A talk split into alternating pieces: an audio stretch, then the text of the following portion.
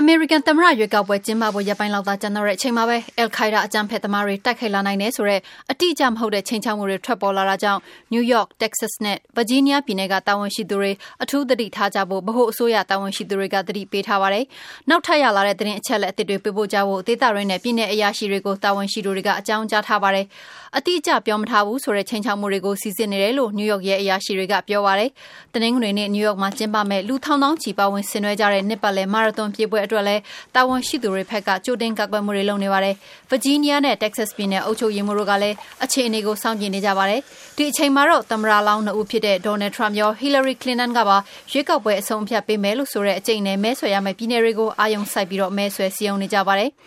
ဖီလာဒဲလ်ဖီးယားပြည်နယ်ကဟီလာရီကလင်တန်ရဲ့စနေနေ့မဲဆွယ်ပွဲကိုအဆိုတော်ကယ်ရီပယ်ရီကအခမ်းအနားမှုအဖြစ်ဆောင်ရွက်သွားမှာပါ။သောကြာနေ့ကဟီလာရီရဲ့အိုဟိုင်းယိုပြည်နယ်မဲဆွယ်ပွဲမှာလည်းနာမည်ကြီးအဆိုတော်ဘီယွန်ဆေတို့စုံတွဲတက်ရောက်ဖျော်ဖြေခဲ့ကြပါတယ်။ပြိုင်ဖက်သမ္မတလောင်းဒေါ်နယ်ထရမ့်ကတော့သောကြာနေ့ပန်ဆယ်ဗေးနီးယားပြည်နယ်မဲဆွယ်စည်းရုံးပွဲအတွင်းဂျေလိုတို့ဂျေဇီတို့လိုအဆိုတော်တွေလာစရာမလိုပဲသူကိုယ်တိုင်ရောက်နေတာဖြစ်တယ်ဆိုပြီးဟီလာရီကိုလောင်းပြောင်းပါတယ်။ဒီကနေ့စနေနေ့မှာတော့သမ္မတလောင်းနှစ်ဦးစလုံးသူမသားကိုမသားဖြစ်နေကြတဲ့ဖလော်ရီဒါပြည်နယ်မှာစည်းရုံးရေးဆင်းကြမှာပါ။နောက်ဆုံးကောက်ယူထားတဲ့လူထုသဘောထားစစ်တမ်းတွေအရဖလော်ရီဒါပြည်နယ်မှာသမ္မတနှစ်ဦးစလုံးသမ္မတလောင်းနှစ်ဦးစလုံးသူမသားကိုမသားဖြစ်နေကြတာဖြစ်ပါတယ်။